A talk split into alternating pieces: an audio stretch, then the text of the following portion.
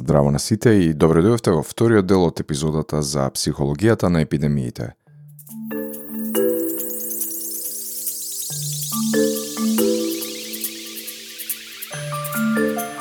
Во првиот дел, односно епизода 12 од Наука за сите подкастот, заедно со Гоце Симоновски ја аргументиравме потребата епидемиите да се решаваат мултидисциплинарно, односно објаснивме како психолозите, социолозите и когнитивните научници можат да им помогнат на епидемиолозите, лекарите и биолозите со совети за модификација на човековото однесување базирани врз научни докази, се разбира.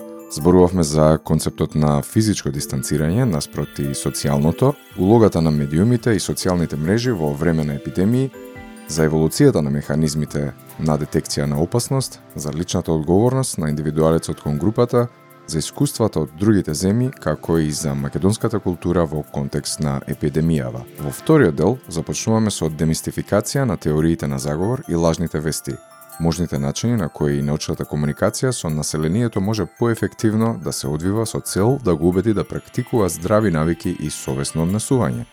Понатака разговараме за социјалната изолираност и осаменост и ред други интересни теми кои се релевантни во овој момент. Уживајте!